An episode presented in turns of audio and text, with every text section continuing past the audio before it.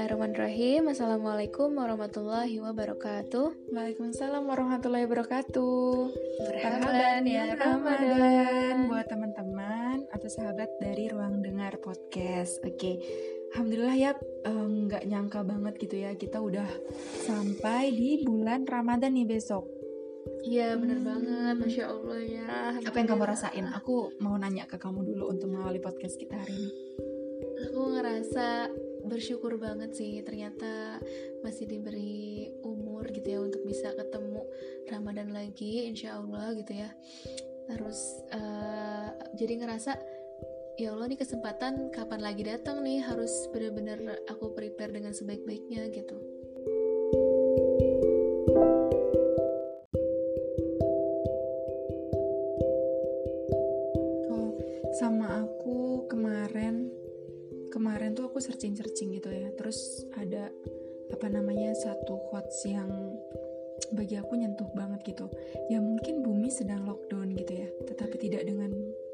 akhirat gitu atau tidak dengan langit gitu. Insya Allah langit itu masih terbuka untuk kita terus melakukan kegiatan-kegiatan yang mendekatkan kita kepada Allah gitu.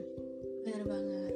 Nah sebenarnya uh, salah satu yang bisa bikin kita lebih produktif, lebih banyak melakukan ibadah di bulan Ramadan ini salah satunya ya dengan kita tahu sih keistimewaan, keutamaan dari bulan Ramadan ini sendiri gitu. Bahwa bulan Ramadan ini sendiri itu adalah bulan di mana diturunkannya Al-Qur'an gitu ya. Mm-hmm. Maka uh, seharusnya tuh interaksi kita sama Al-Qur'an ya jadi lebih banyak kita bisa mentadaburi Al-Quran itu dengan lebih banyak, baca Al-Quran dengan lebih banyak, jadi sahabatnya Al-Quran di rumah dengan waktu yang lebih banyak gitu ya. Karena dengan kita di rumah aja itu kan baca Al-Quran tuh ya justru di mana aja gitu. Mau di rumah juga kan justru lebih banyak waktunya gitu. Jadi pun Allah uh, memberikan keistimewaan juga pada Al-Quran ini untuk menjadi syafaat kita di akhirat gitu.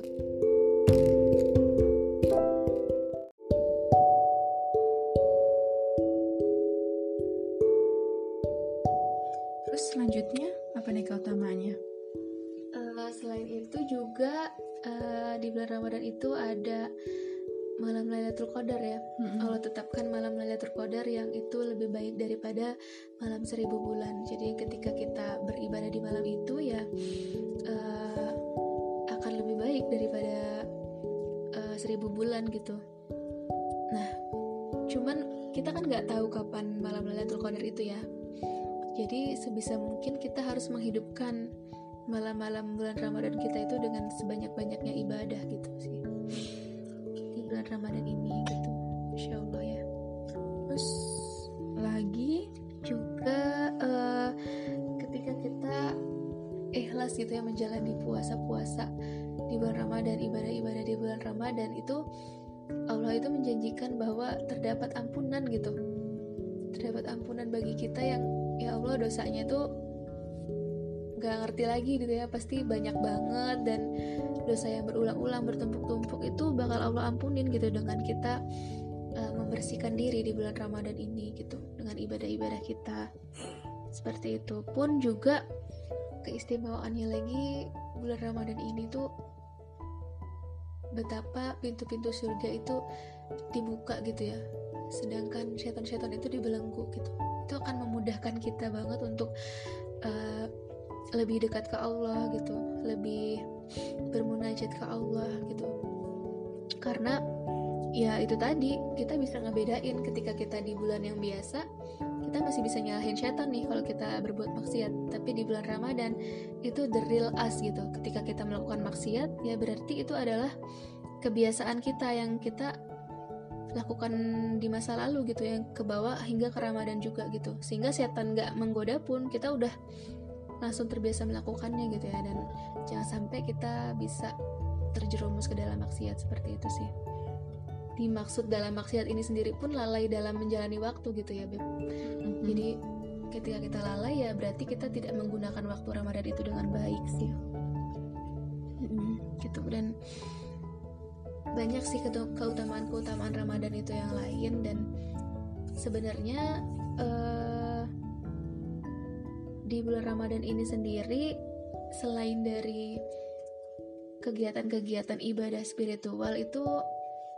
uh, baiknya kita juga melakukan ibadah-ibadah yang lain ya Beb ya? Hmm, kayak betul. ibadah sosial dan ke lingkungan gitu ya nggak sih? Betul. Aku sepakat dengan sama kamu bahwa ya seharusnya dengan kita melakukan apa ya ibadah-ibadah gitu ya habluminallah gitu yaitu harusnya turun gitu menjadi habluminanas yang misalkan spiritual yang baik itu seharusnya berdampak ke sosial dan lingkungan gitu. E, kalau hal ini tuh sering dibahas sebagai kesolihan sosial gitu. Baik kita nggak baik sendiri gitu tapi kita juga gimana kita bisa berdampak untuk orang lain gitu. Kayak misalkan ya sesederhana kita tuh ngingetin temen gitu kalau di sosial tuh. Terus ya kita mengingatkan untuk ayo eh kita aku mau terawih nih. Misalkan ketika terawihnya emang nih ya terus udah jamnya terawih gitu. Nah kan kalau untuk di masa pandemi ini memang kan dihimbaunya untuk kita terawih sendiri ya gitu. Maksudnya di rumah gitu nggak nggak berkumpul secara masif di masjid gitu. Ya udah kita ngingetin kalau memang sudah waktunya teraweh seperti itu. Terus kalau misalkan sama temen juga kalau kita tilawah ya ayo diajakin juga gitu. Atau mungkin saling menyimak terus nanti saling tadabur gitu ya mentadaburi Al-Quran secara bergantian gitu maksudnya bareng-bareng gitu sih. Jadi apa ya seharusnya di bulan Ramadan ini ya kita lebih lebih care gitu lebih love and share love share and care gitu ke teman-teman juga gitu. Terus ketika misalkan kita dapat kenikmatan berupa buka gitu ya buka puasa yang nikmat ya kita berbagi kepada orang lain gitu. Jadi seharusnya memang kalau kita ngomongin habluminallah yang baik ya harusnya di sana punya dampak terhadap sosial juga gitu. Benar banget. Mm -mm. dan termasuk dalam lingkungan ya.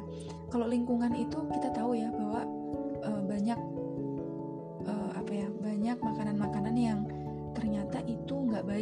kita gitu.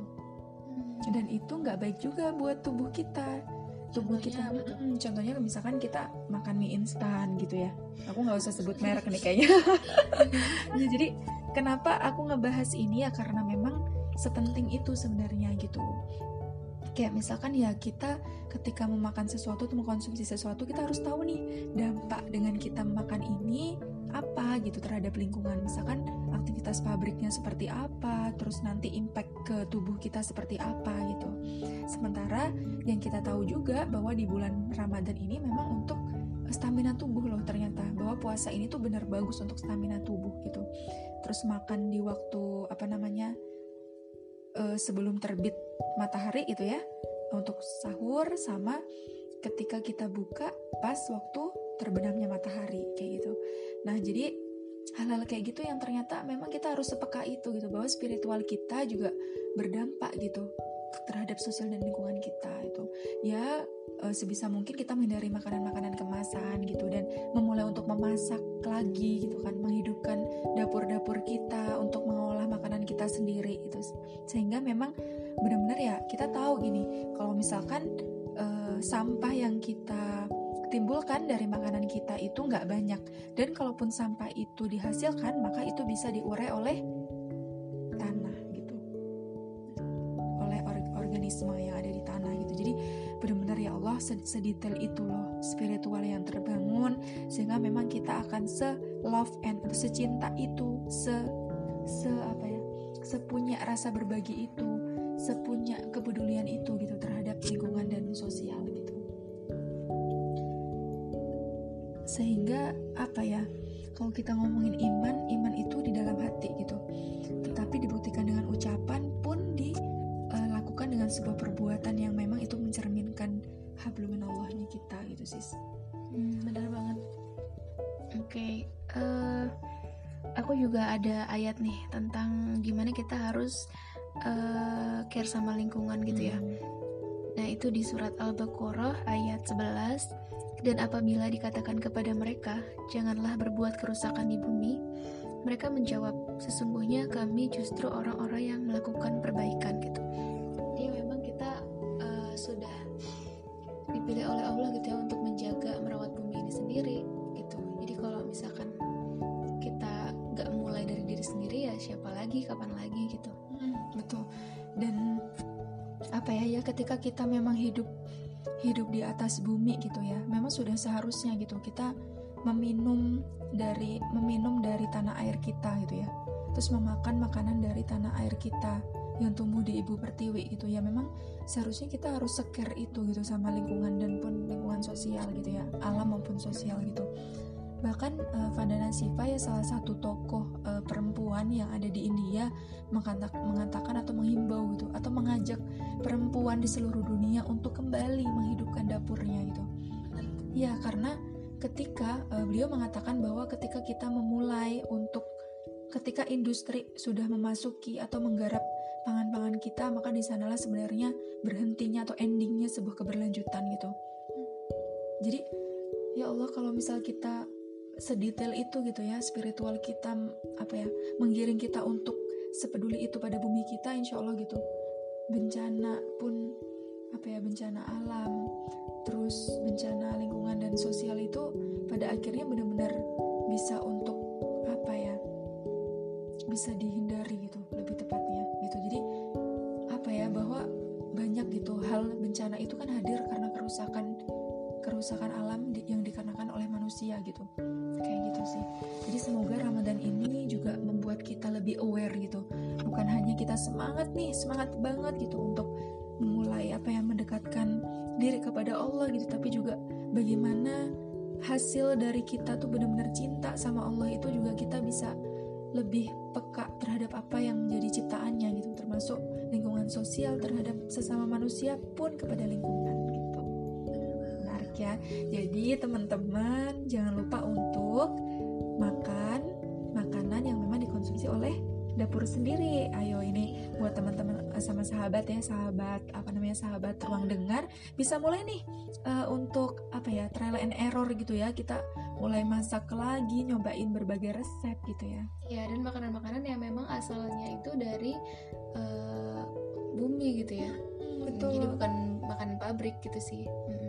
Kalau sebenarnya dari dari bumi uh, dari pabrik pun juga asalnya dari bumi. Cuma kan itu makanan olahan Olah, gitu ya, ya sedemikian rupa dengan penambahan pengawet penyedap. Food. Ya gitulah. Jadi semoga kita lebih aware ya. Oke okay, nah sebenarnya uh, ketika challenge challenge gitu deh sis gitu Nah, kenapa kan juga nih bikin uh, uh, challenge? Kenapa kita nggak bikin Ramadan challenge dari hal-hal yang udah kita jabarin tadi nih gitu? Oke, okay. nah mungkin yang pertama itu dari segi spiritual gitu deh. Jadi uh, gimana kalau yang pertama itu challenge-nya karena Ramadan ini adalah bulan Al-Quran ya hatam Al-Quran itu ya kalau menurut aku sih udah hal biasa gitu ya orang-orang untuk menghatamkan Al-Quran gitu. Jadi gimana kalau kita yang pertama hatam Quran terus ditambah dengan hatam juga tafsirnya gitu. Hmm, terjemahan, okay, dan terjemahan tafsirnya. dan tafsirnya. ya. Jadi terjemahan habis itu kalau misalkan pengen dalam lagi kita juga buka tuh tafsirnya gitu ya. Hmm. oke. Okay. nah, dari situ kan kita kalau kita jadi lebih memahami sebenarnya apa sih ini pesan Al-Quran nih yang Allah jaga sampai sekarang gitu ya untuk guidance kita gitu Al-Quran itu. Dia apa sih pesan-pesan yang termasuk di dalamnya? Terus peran apa yang harus kita lakukan based on Quran gitu? Karena semua yang saya yakin ya aku yakini ya gitu. Mm-hmm. jadi formal aku yakini bahwa di dalam Al-Quran itu ya semua jawaban. Di dalam Al-Quran itu ya semua uh, hal-hal uh, yang harus kita lakukan peran apa yang harus kita lakukan itu based on Quran itu kalau kita mampu ngejalaninnya dengan baik insya Allah gitu ya kehidupan kita tuh bakal madani gitu seperti zaman ketika Rasulullah gitu oke okay. aku mau nambahin deh hmm. terus challenge yang kedua tadi kan yang pertama kita khatam Al-Quran plus terjemahan hmm. dan bisa misalkan disertai tafsirnya juga dipelajarin gitu ya hmm. sama yang kedua aku pengen um, satu hari share satu ayat yang memang itu menurut kita ya kita pilih aja satu ayat yang emang benar-benar ngena banget gitu ya di hati gitu ya. Hmm. apalagi masa pandemi itu semua orang pada online ya. Nah betul. Dan kita harus sadar loh maksudnya ini tuh ladang dakwah banget gak sih bahwa uh, di masa stay at home ini memang teman-teman itu banyaknya jalan-jalannya nggak jalan-jalan fisik sih tapi jalan-jalan jempol gitu. Jempol kita yang jalan gitu kan tapi membuat kita untuk tetap apa ya terkoneksi dengan satu sama lain gitu Nah, terus tadi kan yang kedua udah tuh. Yang ketiga aku mau nambahin juga mengajak satu orang dalam kebaikan. Nah, ini boleh apa pun. Dan mengajaknya juga dalam bentuk mengingatkan secara online atau offline. Jadi terserah nih teman-teman kalau memang pengennya offline misalkan ngajak ada nih punya adik di rumah ya udah adiknya diajakin uh, tilawah kayak gitu it's okay terus misalkan aku pengen online aja ah ya udah aku misalkan ajakin teman-teman atau nge-share juga nih challenge ini juga boleh gitu Iya, mm-hmm. jadi jangan berhenti di kita aja, jadi mm-hmm. orang lain juga ikut oh. termotivasi gitu. Bayangin ketika orang lain itu uh, ngelihat apa yang kita posting and then dia melakukan hal itu gimana coba maksudnya kan kita dapat pahalanya juga nih masya allah banget gitu masya allah kan. gitu jadi jadi berlipat gitu ya pun dari dia yang mengajak temennya ketika temennya melakukan maka pahala itu juga balik di, balik lagi gitu ke dia lagi kan maksudnya bertambah gitu jadi uh, semoga challenge ini ya tadi sekali lagi kita mengajak dan mengingatkan teman-teman secara online dan offline oke kamu deh yang terakhir challenge-nya apa nih? Karena tadi kita udah ngomongin tentang merawat bumi ya gitu. Hmm. Jadi challenge yang selanjutnya itu mungkin lebih ke apa ya? Kita hindari gitu ya. Sebisa mungkin menghindari makanan-makanan yang instan gitu. Jadi ya hmm, oke. Okay. Di Ramadan kali ini sebisa mungkin kita mindfulness, masak gitu ya. Oh, ini tuh produk dari buminya Allah gitu ya. Bisa kita kalau bisa sih tanam sendiri ya. Cuma kalau nggak bisa ya udah kita beli dari petani-petani lokal, petani-petani organik gitu ya, bebas pestisida kalau bisa gitu. Kalaupun enggak juga. Kalaupun enggak ya uh, udah kita cuci bersih aja sebisa uh, dan, mungkin gitu ya. Dan paling tidak memang tadi menghindari makanan kemasan mungkin itu yang paling utama sebenarnya. Karena supaya kita zero waste gitu. Jadi kita tidak makin merusak bumi ini gitu ya. Ya, jadi tadi ada berapa challenge tuh? Berarti ada empat challenge ya. Mm-hmm. Aku ulangin lagi. Yang iya. pertama katam Quran, terus yang kedua uh, apa namanya tafsir jadi udah katam Quran tapi ada uh, kita pelajari juga kita baca juga terjemahan dan tafsirnya. Terus yang ketiga mengajak orang lain atau mengingatkan orang lain dalam kebaikan. Nah itu bisa dilakukan online atau offline. Terus yang keempat tidak makan makanan yang instan. Nah itu sih. Empat dari challenge dari ruang dengar teman-teman.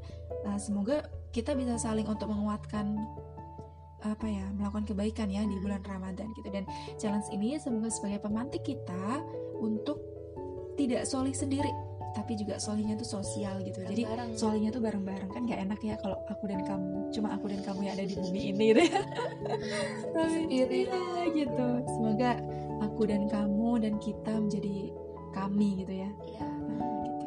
Okay. kami yang saling bergandengan erat kita semuanya bergandengan erat untuk saling menguatkan dalam kebaikan termasuk menuntaskan Ramadan ini dengan sangat baik pun menjadikan 11 bulan yang akan datang terus terinspirasi dengan semangat-semangat Ramadan gitu. Ya, semoga menjadi apa ya, sebuah keistiqomahan gitu. Jadi ketika selesai Ramadan itu adalah hari kemenangan kita, kemenangan atas perbaikan diri gitu ya. Mm-hmm.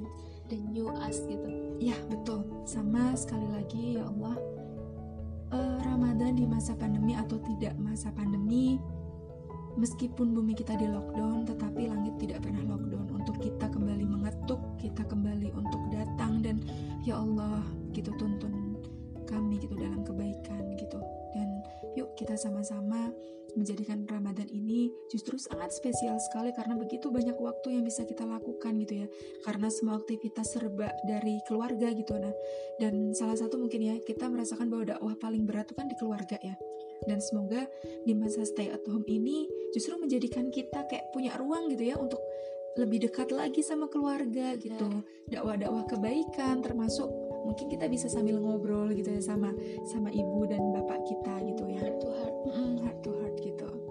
Oke okay, mungkin itu aja sih ya dari kita. Yeah. selamat menjalankan challenge pun selamat uh, memberikan yang terbaik di bulan Ramadan. Ya semoga Allah mampukan kita untuk Amin. terus istiqomah ya menjalankan apa yang kita ikhtiarkan gitu akhiri. Wassalamualaikum warahmatullahi wabarakatuh. Waalaikumsalam warahmatullahi wabarakatuh.